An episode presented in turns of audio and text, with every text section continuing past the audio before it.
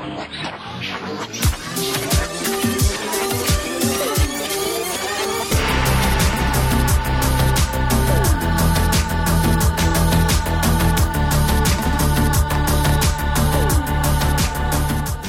til en ny episode av Popstalgi, dere. I dag har jeg med meg en eh, person som jobber mye med å eh, hylle 90-tallet og 2000-tallet, sånn som jeg også egentlig prøver å gjøre. Så vi holder eh, popstalgien levende.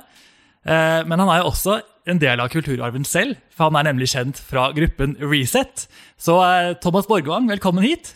Tusen takk. En ære å være her. Så hyggelig å høre.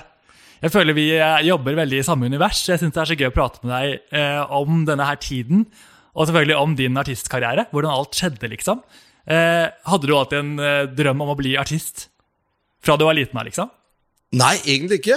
Eh, Jeg hadde egentlig ikke noen Altså, jeg har alltid vært veldig musikkinteressert. Veldig glad i musikk og kjøpte liksom vinylplater, dro til Oslo. Jeg er jo fra Eidsvoll. Dro til Ja. Oslo, og så kjøpte jeg jo liksom alle 80-talls Stock Acre Waterman, altså Rick Astley-platene. altså vinyl, Gikk inn og hørte på de på Immerslund musikk nede i Karl Johans gate. Så, så jeg har alltid vært veldig musikkinteressert. Um, det Vi snakket litt om det, Jeg har gjenopptatt litt kontakt med en av barndomskompisene mine. bestevennene mine eh, og, og vi snakket mye om at vi satt jo ofte sånn og lagde radio når vi var eh, i ungdomstida. Satt og teipa hjemme og tok opp og sånn. Men Ja, så gøy. det var liksom ikke noe sånn før jeg havnet i, i radiobransjen. Moren min hørte at de etterlyste frivillige på lokalradio på Eidsvoll. Radio Eidsvoll. P5 Radio Eidsvoll. At jeg, at jeg eh, liksom Kom inn i den verden. kom inn i den verden, da. Eh, men fortsatt så hadde jeg egentlig ingen planer om å bli artist før jeg plutselig sto i studio. Nei. Så jeg, ja, så det var helt tilfeldig at jeg havnet, eh, ble, ble artist. Ja, for det lurer jeg litt på, fordi eh, Ja, du er jo Reset er jo en eh, trio.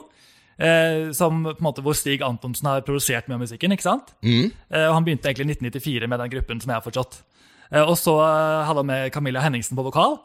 Og så står det at de jobbet på en låt i studio, og så um, bestemte seg for å ringe deg. Så lurer jeg på, på måte, hvordan skjedde denne connection? Kjente du han fra før, eller hva var inngangen? liksom? Ja da, vi hadde gitt ut en, en låt eh, før på Mega Records. God gamle Terje Engen for de bransjenerdene som kjenner til Terje. Okay. Som hadde Ace of Base, og de hadde jo veldig mye kor Wow. og sånn. Så vi, vi lagde en låt, jeg og Stig. Vi ble kjent gjennom radiomiljøet på, på Romerike. Ja. Jeg jobbet i en stasjon som heter Nero Pluss, som var liksom den første 24, for- forgjengeren til egentlig MP3. Forrige, første 24-timers radiostasjon for ungdom. da det det, ja? Partymusikk døgnet rundt. Wow. Eh, og gjennom den, for Stig var litt involvert på det tekniske der, for han jobbet i et eh, platestudio som heter Pan Studio på Skjetten. Eh, og da ble jeg kjent på han, og så ga vi ut en låt. Vi lagde annet en av låtene som er på første albumet, med Svalbard-tema.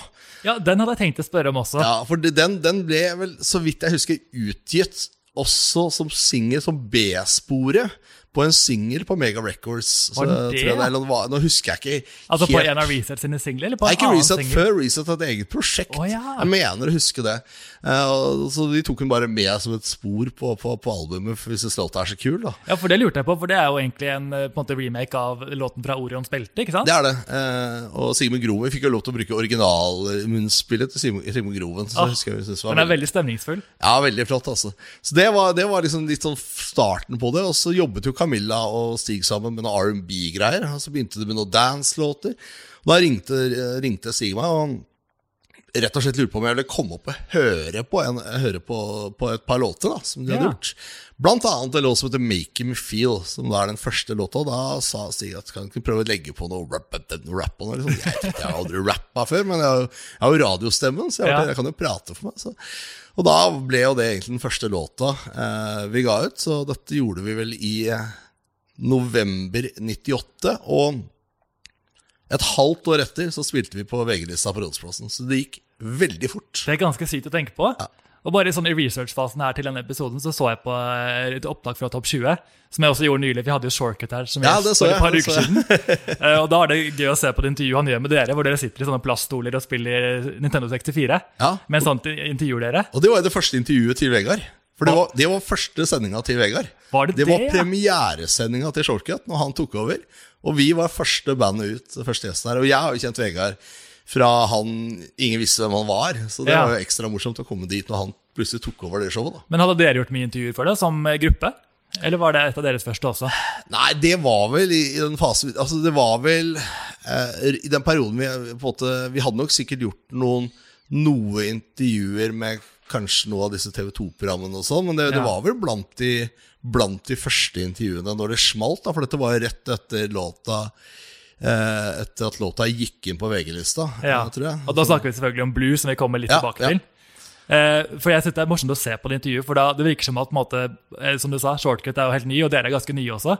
Det er ikke et sånn klassisk intervju man ser i dag. For det er litt mer sånn at, at alle er litt sånn ja, whatever. Man må lene seg tilbake i stolen og er litt mer sånn careless. Jeg synes Det er en morsom stemning i rommet. En litt annerledes intervjusetting. Ja, det var, det var kjempekult, og det var liksom første gang man også hadde den der, eh, Jeg skulle løpe den der ryggsekken, denne kameraryggsekken med den bjella. Det var Ja, sånn når du skulle finne de brødboksene med masse Ja, ja.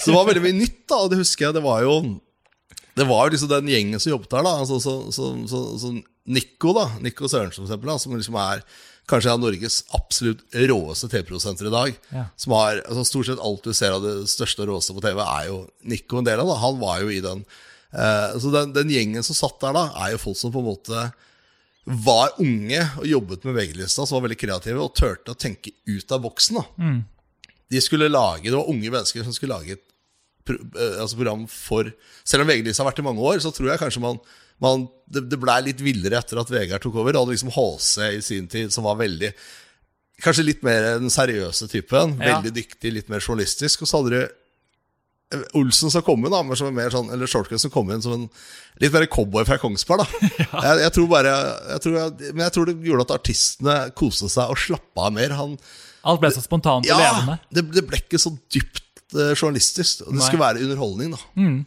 Ja, det tror jeg du har helt rett i. Jeg så på en opptreden dere gjorde på Topp 20-showet, ja, VG-lista-showet også, hvor dere kommer inn i sånn eh, lange kapper, på en måte. Sånne der munkehoodies, vil jeg kalle det. Ja, det. det var Star Wars, det var Jedi. Star Wars det så kjørte. Star Wars-introen. Og vi husker vi styrte veldig fælt for å få lov til å bruke den. Oh, ja. For det er så sted, og det er jo Herregud, det er Lucas-film, og det er John Williams.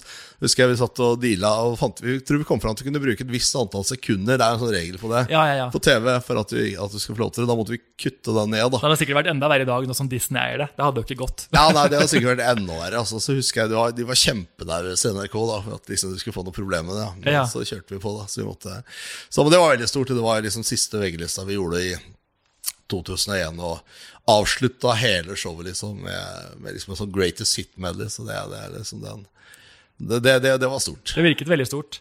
Uh, og dere gjorde deres første opptreden, leste jeg, i Oslo Spektrum, på Energys julefest. Stemmer det?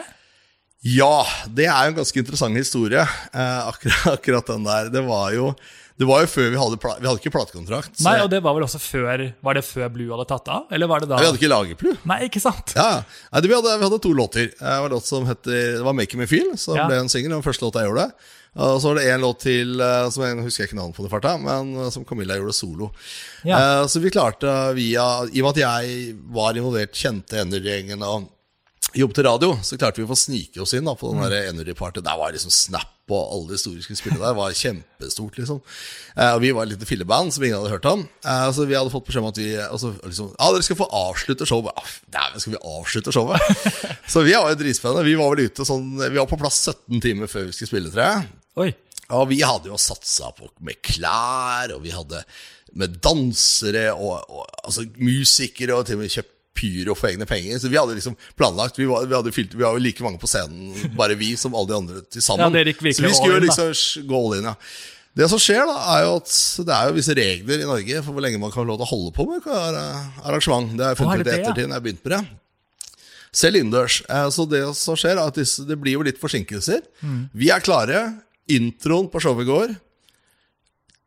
Folk hører folk juble. Det er blitt, litt tomt. Det var ikke fullt hus, for å si det sånn. Det var litt folk igjen, og vi var gira. Så vi går inn på scenen og kjører i gang, og det smeller noe pyro. Det går vel rundt 50 sekunder, og så kuttes musikken, og så går taklyset på. Nei. Var det alt dere fikk? Det var det vi fikk. Da måtte de stenge. Fordi da var klokka halv fire, og etter halv fire så er det ikke lov å gjøre noe i Oslo Og så bittert med all den innsatsen dere hadde lagt i det. Det var det. Så det var velkommen til underholdningsbransjen for vår del. Altså. Ja. Men det er bra dere ikke ga dere der og tenkte sånn, da gidder vi ikke å opptre ordentlig videre. For det gikk jo all in på de neste opptredene også, vil jeg si. Da ble vi bare enda mer gira. Ja. Da tenkte vi da tar vi VG-lista. Så lurt. Eh, og så, så kommer det til at dere signerer en kontrakt med tyske labelet Edel Records. Mm. Som jeg leste var en firealbumsdeal. Var det, stemmer det? At det egentlig var det? Jeg vet hva, jeg, det, Nå husker jeg ikke jeg helt uh, den dealen som ble gjort Nei. der. Uh, helt ærlig var vi Jeg bare tenkte det var så på en måte ambisiøst å signere så stor deal. Fire album er ganske mye å committe til, liksom. Absolutt. Vi hadde jo Vi hadde jo veldig god respons fra, fra plateselskapene. Vi hadde jo en runde som alle andre. og Vi var jo innom alle. Vi var jo innom her på huset, på Universal-huset. Vi var, eh, vi var eh, Vi hadde BMG, eh, som da var før det ble Sony. BMG og Sony var veldig gira, men de kunne ikke gi oss noe dato på når de kunne gi det ut. Ja. Men så husker jeg, jeg husker veldig godt der kan, Vi kan trekke frem nå Vi var i et møte med, med, med, med Warner Music, som jeg har veldig mye gode venner i nå. Og der jobbet en av gutta i Stargate. Oh, ja. Eh, og vi kommer opp der og spiller dette her og ser rart på. og Dette her kommer aldri til å selge, så dette er vi ikke interessert i. Så ja, vi har hatt en le at jeg tror jeg har møtt vedkommende i ettertid. Så ja, Ikke så vanskelig å finne ut hvem av dem det var, da. Det er bare to velge mellom. Så det var litt gøy, da. Så, men eh, vi fant jo at Edel var riktig for oss. De, de hadde scooter. Det var et dance-label, egentlig. De hadde liksom veldig fokus på den musikksjangeren. De hadde liksom iPhone 65 da med også Blue, som, Ja. het, som kom samtidig. Gøy nok, ja. Eh, så, så vi fant ut at liksom Det var et selskap, det var ikke så stort, og de var villige til å bare slippe det med en gang. eh, Og bare gå all in, da. Ja. Få ut den sommeren da, som vi ønska. Og da var jo første release Blue, som jeg nå har nevnt litt her eh, frem og tilbake. Det, var jo, det står at det fortsatt er den norske mestselgende dance-låten noensinne. Eh, ja, på engelskspråklige, faktisk. Eh, ja. For det er vel, eh, i hvert fall på singel, så er det vel 'Bli hos meg' Ja. med Dina, eh, som også har vært der. Eh, som er vel den mest solgte på altså Nå snakker vi da på, på CD-singel. Ja, fysisk salg. Ja, fys, fysisk salg. Så, så skal, så vidt jeg vet, så er det den mest solgte engelskspråklige Har du noen sånn Norske. eh, hva heter det, Plan eh, altså plakat hjemme, plansje? Ja, som, eh, ja. det har vi. Vi, har, vi. Vi var veldig close på å få Vi fikk gullplate på den, den kom ganske kjapt. Og så var vi vel noen hundre unna å få platinum på den. Ja. Eh, så vi driver og sjekker nå, for du skal jo kunne slå sammen streamingtall. Vi har jo streama veldig mye av Reset de siste, siste åra. Ja. Vi har kommet på veldig mye sånne store sånn, compilations på Spotify, altså sånn Spotify spillelister. Eh, så jeg tror, Og den er nærmer seg nå fem millioner avspillinger på Spotify. Det er svært. Altså En låt som bare lever sitt eget liv så lenge etterpå. Ja, ja. De gjør egentlig alle låtene våre. Så de har tatt seg opp Så jeg tror kanskje vi kan få oppgradert den til platinum. nå, Altså. Å, så gøy! Men vi fikk en overlevert på VG-lista, var det vel? Nei, på Norwaken, faktisk. På Ja. Norwaken på åpningsshowet i 99. Men har den en musikkvideo? Eller? eh, Vi lagde Nei, det fins TV Romerike, vår kjære lokal-TV-stasjon. De lagde en eller annen uh, musikkvideo. Som, Med, med dere, eller er det ja, den, ligger, den, ligger, den skal ligge på YouTube. Jeg klarte ikke å finne den, men jeg skal, Nei. du får sende til meg. Ja, så Det ligger en kortversjon med intervju, og så skal det ligge en langversjon. Uh, Ja. Så det var eh, med noe Vi ble spilte i en park i Lillestrøm, eh, Lillestrømparken, med så kom politiet og arre- arresterer oss. Vi spiller for høy musikk. Og Oi, så vi, vi satt i håndjern og tatt i politibiler. Dramatiske greier. Men er det en slags falmende romanse denne låten handler om? At det liksom er Jeg bare tok et utdrag av teksten som er I don't know if you can see it, but I know that you can feel it. This romance is out of order. Can't you see I'm a lover? Så, hva, hva er liksom budskapet? Kan du forklare det? Nei, altså, altså 90-tallsdance, og det fins noe budskap Jeg tror vi, jeg tror vi skal holde oss Det er lov å prøve seg. Ja, jeg tror ikke vi skal gå for dypt ned i det. Altså, nå ble jo veldig ofte Jeg skrev jo jeg skrev jo rappene mine, så mine Jeg måtte jo bare henge meg på det Camilla Stig hadde skrevet av hooks, da, refreng. Ja, Noe som passet inn Ja, der. altså jeg måtte jo få til, så jeg, jeg skal ikke si at jeg Jeg kan ikke si at noe av det jeg har skrevet i Reset, er så veldig selvopplevd. Jeg tror det handla mer om å få ting til å rime. ass Ja, skjønner, skjønner. og, og flyte. Eh, det er ikke Eminem, Ass, Så jeg, Det var litt det Dina sa til meg også når jeg begynte å analysere tekstene. Så sa hun sånn Jeg kan ikke alltid si at det på en måte Jeg, jeg tror ikke det var så nøye gjennomtenkt, alle tekstene. da. nei, jeg tror ikke det. Jeg tror ikke det, det gjelder ved stort sett det meste den sjangeren vi hadde. Det skulle være gladmusikk, og det skulle være Det skulle ikke være Det skulle være lette, enkle tekster. Og, og, og ja, nå er det jo sånn at eurodance-rappere inkludert meg sjøl, er vel ikke heller liksom Veldig ofte så er det radiofolk tilfeldig. Det, det er ikke så mange av dem, med unntak av kanskje sånn Turbo B fra Snap og sånn, Ja. som på en måte er dyk, veldig dyktige rappere. Men det er, en egen, det er jo en egen stil å rappe på. Du skal på en måte uh, altså Det er eurobeaten. Det er litt sånn er Litt gebrokken noir, og, det er liksom Musikken er i fokus, altså. Ja, skjønner det. Refrengen og musikken. Det er veldig sånne instant beats, som regel. Eh, Men etter denne låten tok helt av, den eh, ble jo veldig svær. Eh, Var det vanskelig å vite hva som skulle bli singel nummer to? Eller hadde dere Get Me klar? Ja, den var vel For den, den, den var jo litt i samme gata. Du hadde den derre pizzicato din, din, din, din, Den der, litt, Det er jo den, den E-type eh, Altså Fateless-synten, da. Ja. Altså Både Pizzicatoen, som den het, som var veldig populær. Er det navnet på den, ja? Det er den synten. Eh, så, så vi fant det ut veldig, veldig, egentlig ganske fort ut at det var liksom en bra oppfølger. For den, den, den, gikk, den gikk litt kjappere, var litt annen Litt mer driv inn, eh, Ja. men fortsatt så var den ikke var den ikke var den såpass. Det er greit å ikke På disse på andre siden bør man prøve å holde litt Litt samme stilen. Da. Det tror jeg mange artister gjør. da Jeg ikke skremme bort de som likte forrige Ja, og så kan du heller skifte litt når det kommer til tredje låta. Ja. Så kan du heller skifte litt eh, stil når det kommer på tredjesingeren. Så, så det lykkes med den oppskriften her. Altså. Den gikk jo også kjempebra. Ja. Den var vel en topp fem-låt i Norge. Ja. Eh, skrevet av dere tre sammen, stemmer det? Ja, altså vi, vi skrev alt sammen. Jeg skrev mine tekster, og så skrev Camilla stort sett sine tekster, og så produserte Stig musikken. Og så var Ja. jo Camilla også Vi var jo også involvert i Jeg var nok ikke så involvert i, i låtene som det Camilla og Stig var. De jobbet jo mer med låtene. Eh, vi har liksom alltid hatt litt sånn roller i Reset, hvor jeg på en måte har gjort den litt mer sånn Litt mer utenom studiobiten, da. Vi var jo alltid i studio sammen. Vi jobbet, vi, Alt er gjort samla. Vi var vel stort sett aldri bare to av oss i studio. Det var, Nei, okay. det var, det var sjelden. Ja. Men uh, den her også, nå skal ikke jeg gå for dypt inn i teksten igjen, men jeg må bare ta et lite utdrag. Det høres ut som at den handler om en sånn slags eh, katt og mus-lek. At den sangen er sånn som, But I want you to know that I'll never let you go. Even though you will try, you will never say goodbye. Det er litt sånn creepy vibe. Sånn, du slipper ikke unna meg. Ja, det ligger nok altså det, det nok, Camilla har nok kanskje litt mer, mer bakgrunn for tekstene, så, i og med at hun har skrevet de. Eh, igjen, så ja, Det får hun svare på hvis du møter henne en gang. Men Ja, eh, for hun synger 'You're never gonna get me'. Ja. Because our love is over. Så det er ganske tydelig budskap. og klart, hun var jo Hun var en del av ringen, så Camilla var jo i hun, Hvor gammel var Camilla? da? 1920, tenker jeg, rundt der. Ja. Mm. Så hun var, jo, hun var jo ganske ung, da. Så hun var jo, hadde ikke lov til å gå på polet engang, liksom, tror jeg, når vi begynte å jobbe med dette her. Så, mens jeg hadde jo på en måte litt, litt mer erfaring, da. Eh, Jeg var liksom tre-fire-20 når vi holdt på her. Ja, Hadde jobbet i radio noen år og var litt mer erfaren i bransjen Også, Ja, da, ja, jeg hadde jo mye erfaring eh, fra bransjen, selv om ikke, ikke artistbiten. Men jeg, jeg kjente jo til platebransjen, i og med at jeg tråkka jeg allerede i det bygget her i, i, i 93-94. Ja. Så jeg kjente jo på en måte alle promotørene. Hadde bygd meg et ganske ålreit artistnettverk. Kjente ganske mye artister. Så jeg var litt Jeg kjente bransjen. Og Stig hadde jo også erfaringa Ja. eh, med alt det han har gitt ut før, og, og sånn sett. Som jeg, sånn som Camilla var jo For henne var det helt nytt. Dette. her. Ja, Så spennende. Eh, men etter denne singelen så kom vel albumet Play. Det Ja. kom i november. Ja, Som selger til gull. Du veit mer enn meg, du. Det er godt å høre, da. Da har jeg Jeg husker ingenting. det er jo en stund siden, så det er ikke så rart. Det er bra for å friske han opp litt. At jeg kommer hit og Ja, åpne harddisken. Veldig passende tittel. Play. altså Bare hør gjennom dette albumet. Trykk play og nyt disse bagerne. Eh, Jeg tenkte egentlig å spørre om du har noen andre favorittlåter fra albumet, som du eh, på en måte føler trenger litt mer eh, fokus?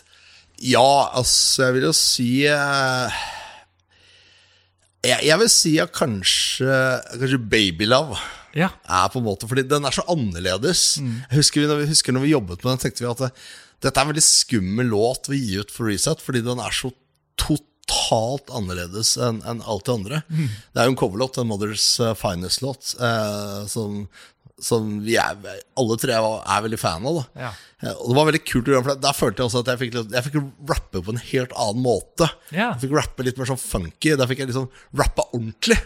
Mens alt det andre var sånn der Tell me girl, what is wrong? Tukka, tukka. Ja. Her var sånn Baby love, you know what du kunne, du kunne liksom Det var, var en helt annen måte. Så det Med gitar og full pakke. Så, Ja. så, så den låta der, så, for meg, syns jeg det er en låt jeg er veldig fan av. Dere har jo også en annen coverlåt eh, som jeg forsto, 'Do Anything You Wanna Do'. er vel også en coverlåt? Det er også en coverlåt, ja. Av Eddie and the Hot Brods. Det kan godt hende. Jeg bare vet det er en coverlåt. Ja, det stemmer. Ja. Husker du hvordan på en måte eh, perioden mellom da album nummer én og to var? Hadde dere det er litt det samme som jeg spurte om med Get Me. Da hadde dere mye musikk klart, eller var det sånn dere gikk inn i studio igjen og bare Nå begynner vi på scratch, begynner med et nytt album. Eller husker du det? Ja, altså det, det er ganske altså, Jeg tror det som er veldig unikt med Reset da, det, For det første så fikk vi vårt eget studio. Vi, vi, vi, Ja, vi, da hadde vi finansiert vi Da tok vi over det gamle radiostudio til på strømmen til radiostasjonen jeg jobbet i. Ok. Eh, fordi vi flytta til Lillestrøm fra Strømmen. Eh, og da tok og På Strømmen Storsenter hadde vi studio der. da En sånn sidebygg der eh, Men det, det som er såpass unikt på Reset, er for det første så har vi liksom aldri Vi har aldri sett oss ned og skrevet noen låter.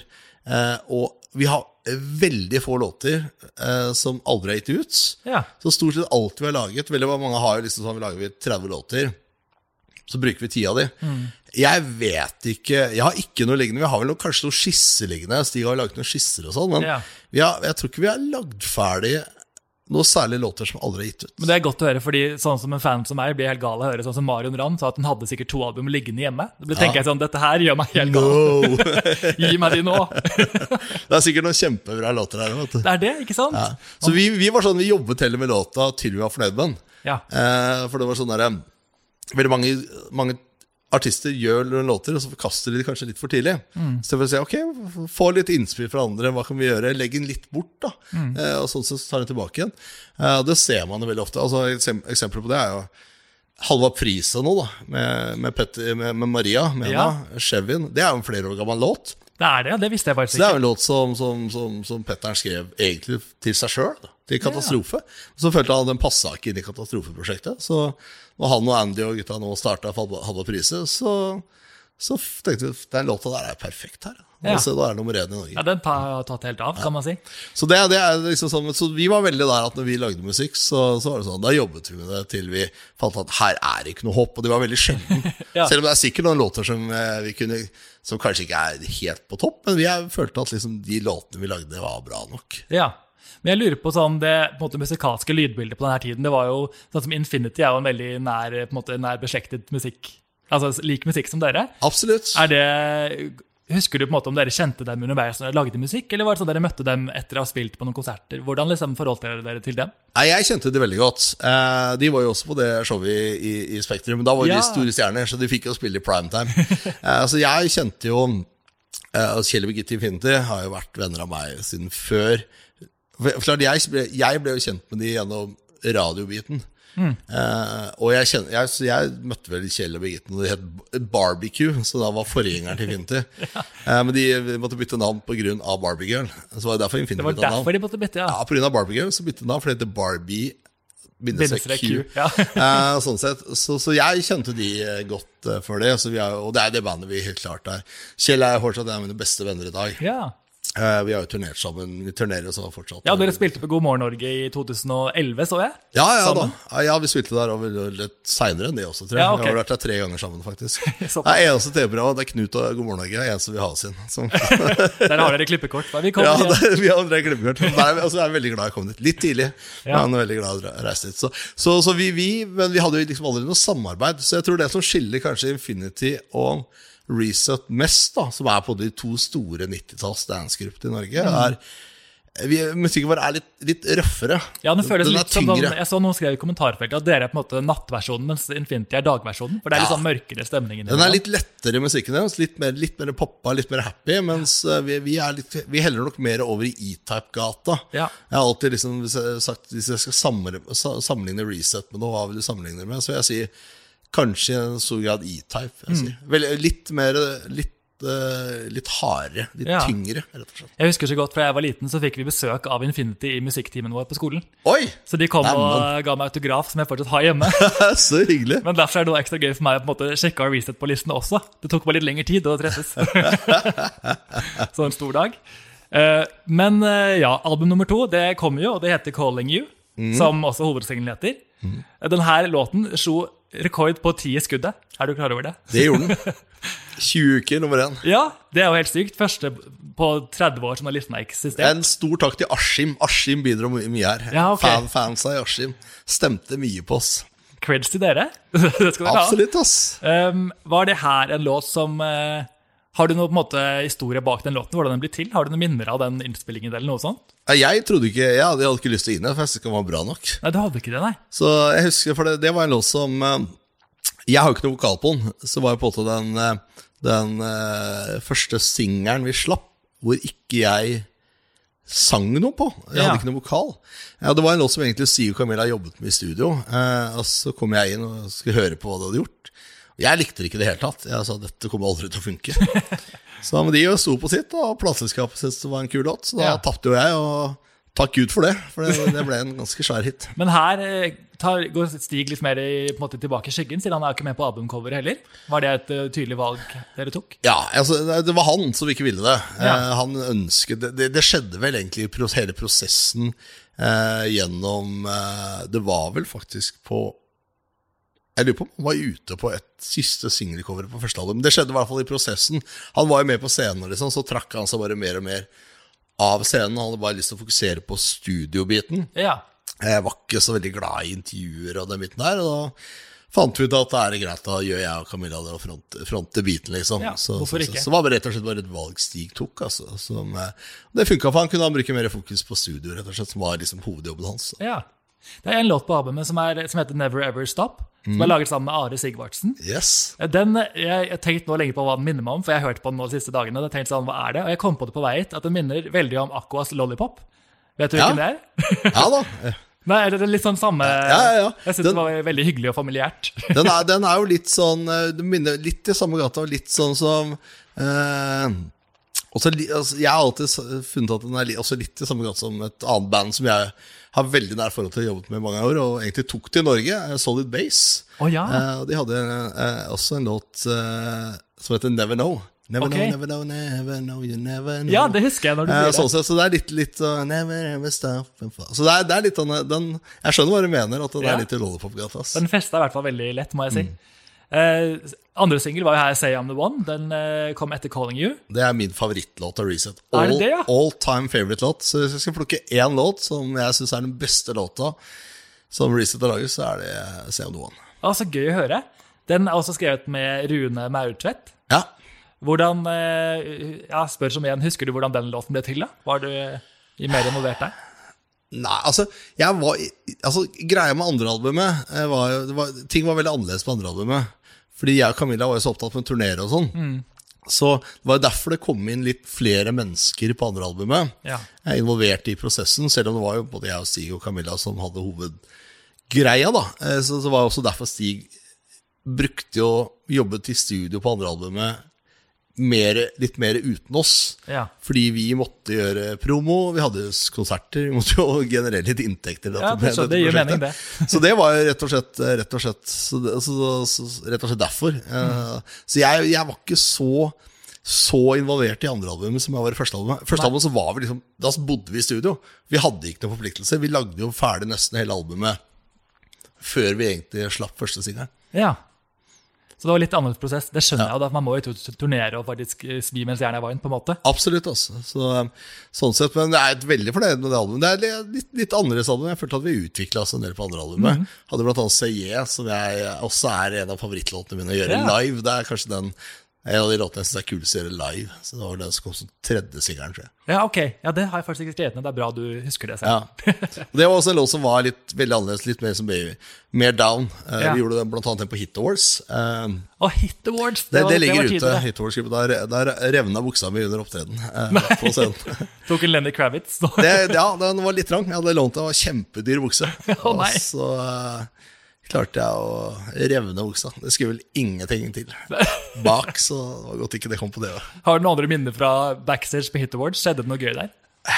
Nei, altså Det var, altså, altså, det var et kjempestort TV-show. Det var veldig stort å få være med på det, for det er jo kanskje Ved siden av VG-lista så er vel det det største sånn type TV-show. Vi var jo på en måte på de, alle de store norske TV-showene, men det var liksom Hit Awards var liksom vi kom aldri på Spellemannsprisen. Det er liksom Infinity alltid mobba oss, for de fikk, de fikk åpne Spellemannsprisen. De gjorde det, ja. Det er en ære. eh, men vi kom liksom aldri de aldri, eh, ble aldri invitert dit. Så, så på Hit Awards var på en måte det eneste awardshow vi var på. Det var Oslo Spektrum. Mm. Eh, Men klart, dette skjedde jo bare noen dager etter, eh, etter 11. september. Å, jeg de gjort det? Ja, dette var jo 2011, det er 2001. Det var vel jeg lurer på om det var 14. september. Ja. Ja.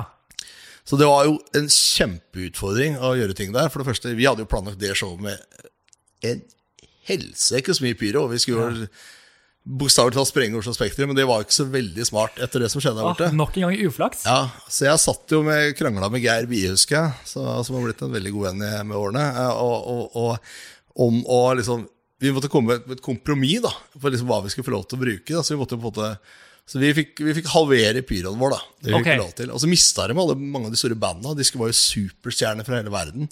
Oh, ja. Som ikke kunne turte å fly. Det var flyforbud fra USA og sånn. Oh, Så for en ekkel tid det var. det var det, altså. Så det ble, veldig, det ble et veldig norsk show. De måtte, ja. rette, med, det var veldig kult, for de måtte hente mer norske artister. Så det ble en veldig sånn spesielt år, da. Det var jo full utsolgt arena. Men det jeg husker aller best, var at jeg, var, jeg er veldig Fateless-fan. Og Fateless var jeg hyra inn for å liksom avslutte og kjøre en minikonsert. Og de spilte noen minutter etter oss, og da husker jeg at jeg var et opphengt Jeg skal se Fateless. Så med den revna buksa mi, så løper jeg av scenen, bare blåser gjennom produksjonen, ned disse tunnelene under Spektrum, kommer opp på baksida utskilt, løper ut i salen idet Fateless er i gang, står der sammen med kidsa på første rad i outfit med revna bukse. Og Det er dedikasjon, det. Ja, og hopper og danser. Så ser du hva folk snur seg Hva kan jeg akkurat på scenen nå? Et slags trylleshow. Bare nå er jeg her. Ja, ja, nå er jeg her, altså. Så det, det er vel liksom det jeg husker, husker best fra. Men det var veldig spesiell oppladning pga. det som skjedde i USA. da Ja, det forsto jeg jo. Så det var jo mye snakk om den skal avlyses. Ja. Det var bra dere fikk gjort en skikkelig opptreden likevel, da. Ja, da, jeg, tror, jeg tror man tenkte det. altså Ja. Absolutt. Men jeg leste, eller dere tar jo en eh, pause i 2002. Eh, var da, måte, var det, hadde dere snakket ut om at dere ville jobbe sammen igjen, eller var det sånn dere egentlig tenkte nå er vi ferdige? Hva var liksom stemningen innad i gruppen da? Jeg vet ikke om det var stemninga. Jeg tror vel bare det var altså Jeg vet ikke helt. Jeg husker liksom ikke helt hvor, hvorfor vi egentlig Jeg tror vi bare altså, liksom, de, Egentlig alt, alt etter på en måte albumene de siste 20, 18 årene har vært litt sånn av og på. Gjort litt jobber her og der. Eh, men det var vel litt sånn fram til um, Vi gjorde noe jobben, men fram til liksom Weed of the 90s starta i 2011. Ja. Eh, så var det vel egentlig Vi, vi, vi, vi slapp jo en låt og ga ut en musikk, vår første musikkvideo, faktisk, som kosta en fryktelig mye penger.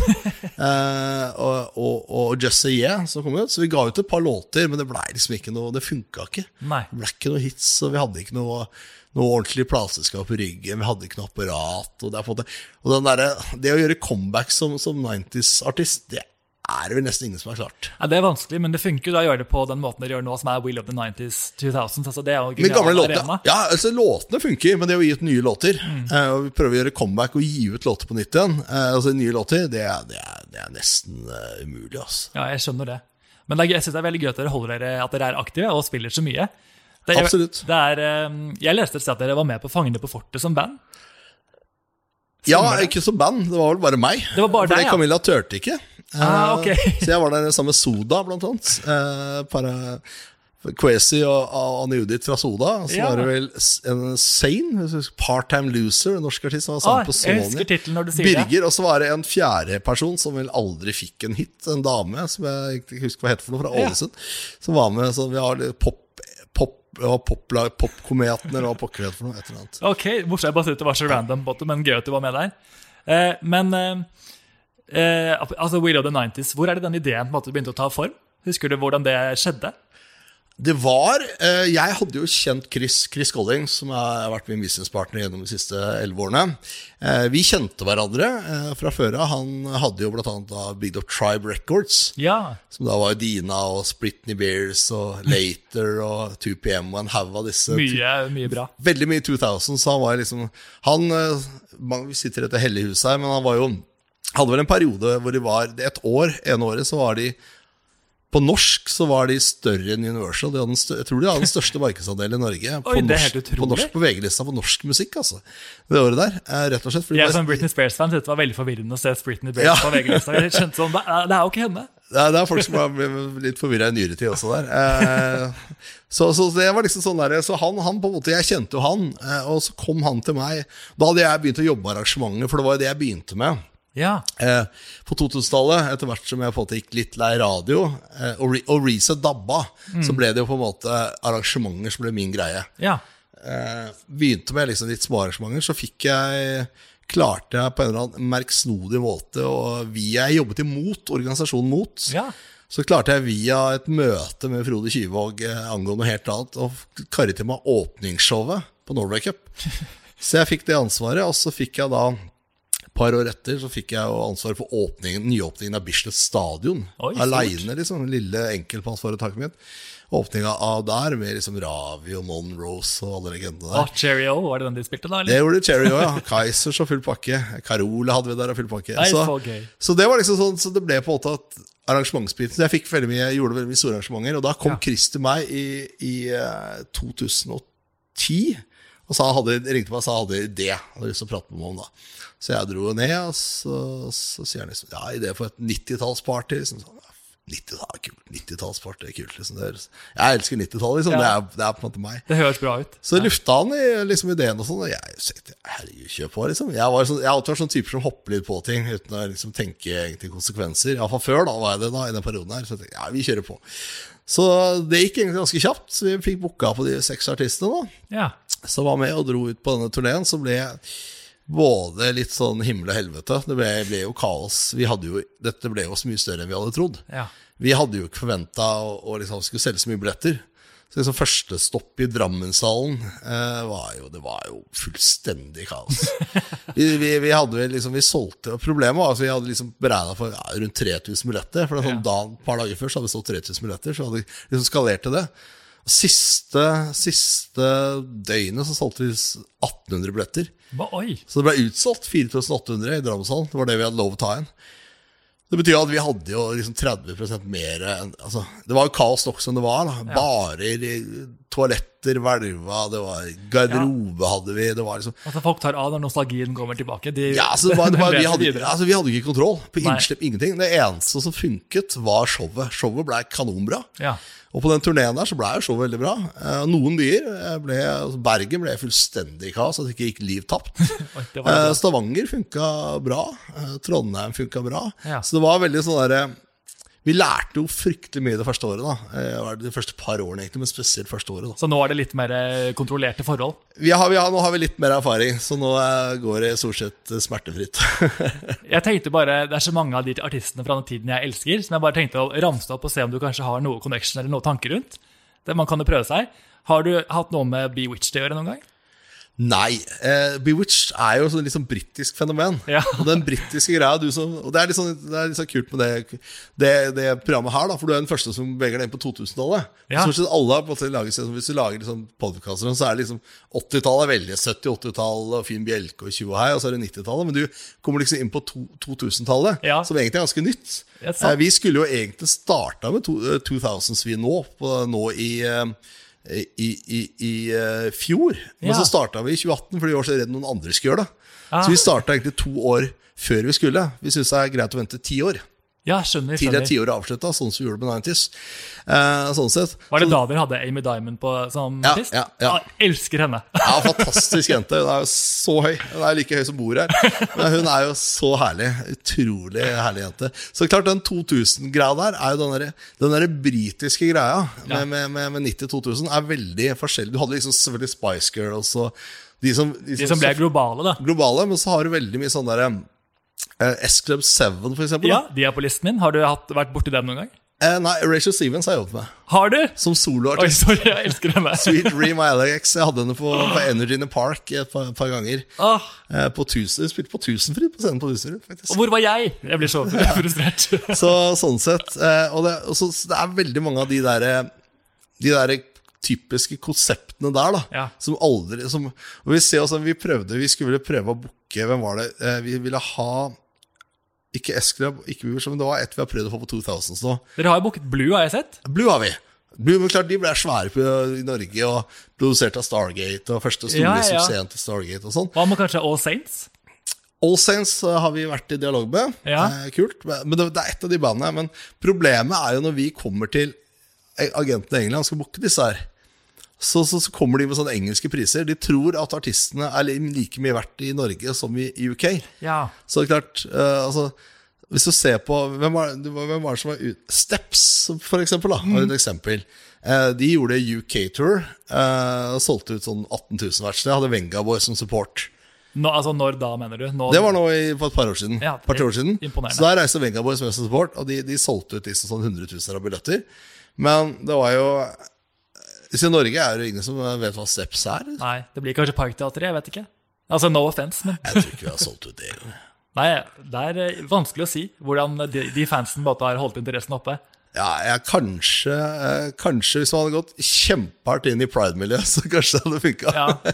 Jeg syns det er kjempekult. Eh, Jeg er bare litt sånn usikker på hvor, hvor, hvor mye man eh, Jeg, tror det, det, det, er det å booke Vi får jo så mye forslag på artister, da. Ja. På booke, og, det er, og det er jævlig mye ting jeg Masse ting Unnskyld uttrykket, men det er mange ting jeg kunne tenkt meg å booke. Ja.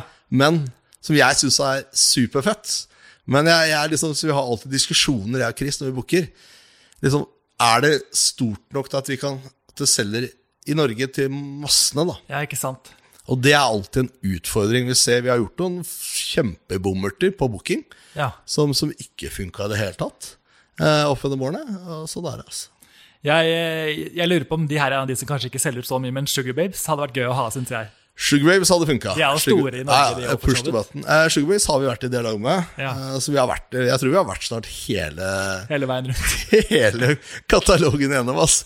Eh, Men Sugar Babes er et band som jeg absolutt er kjempefan av. Som jeg Ja. kunne tenkt på Altså. De holder på å gjøre et slags comeback nå. Ja, jeg vet. Så jeg tror vi, er i, vi, er, vi, har, vi har en dialog der. Vi jobber jo med alle disse agentene så fort det ja, det er bra. og så er men Problemet er jo også at er, du sitter med sånn 30 agenter som alle hevder at de har et band.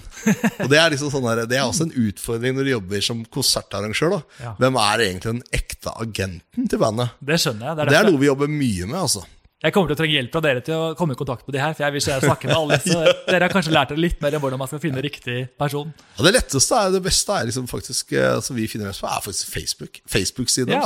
Hvis du finner den offisielle Facebook-sida, du ser veldig fort om det er offisielt. eh, Og den kontaktinfoen som står der, er som regel reell. Ja. Ikke, google, ikke google på websider og sånn, for der, der finner du liksom 30 agenter som alle hevder at de har eh. Sash eller, eller liksom en eller annen artist. Ja. Nå skal jeg gi meg med den oppramsingen. Bare en siste. Toybox, har de spilt hos dere noen gang? Toybox, eh, ja da, de gjorde et comeback her i to-tre år siden. Amir og Anilla het vel de Ja. to. Vi hadde jo de som oppvarmingsband vi på, på release-partyet vårt. Hadde dere? Eh, For de var jo på samme plassekamp som oss. Ah. Eh, Så de varma opp for oss da når vi hadde release-konsert til Reset på Ja. John D. Og hvis det, noen er i tvil om hvem det er, så er det altså Tarzan and Jane. Den der oi, oi, oi, oi, oi, oi.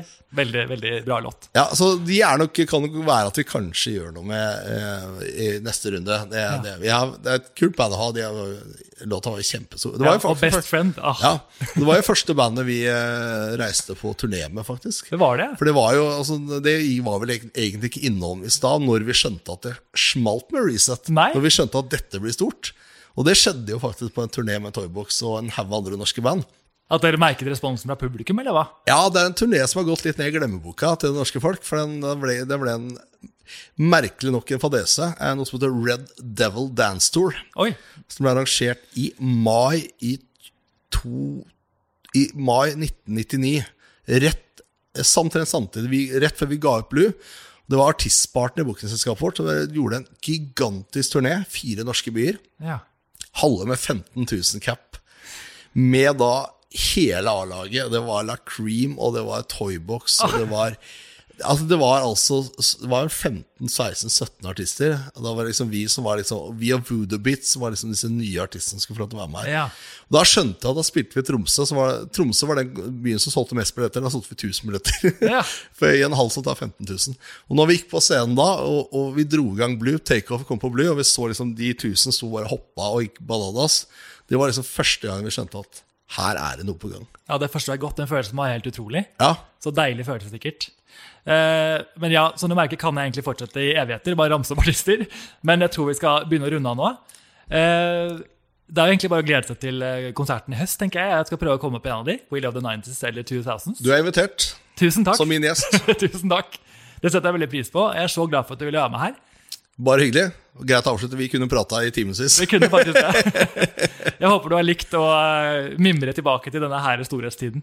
Kjempekoselig. Fått henta fra masse ting i harddisken bak harddisken. Det er godt å høre. Så håper jeg alle går inn og eh, får en skikkelig fest med reset på øret, fordi der eh, man får lyst til å dra ut på byen. det må jeg bare si. Ja, takk for oss. Ha det bra.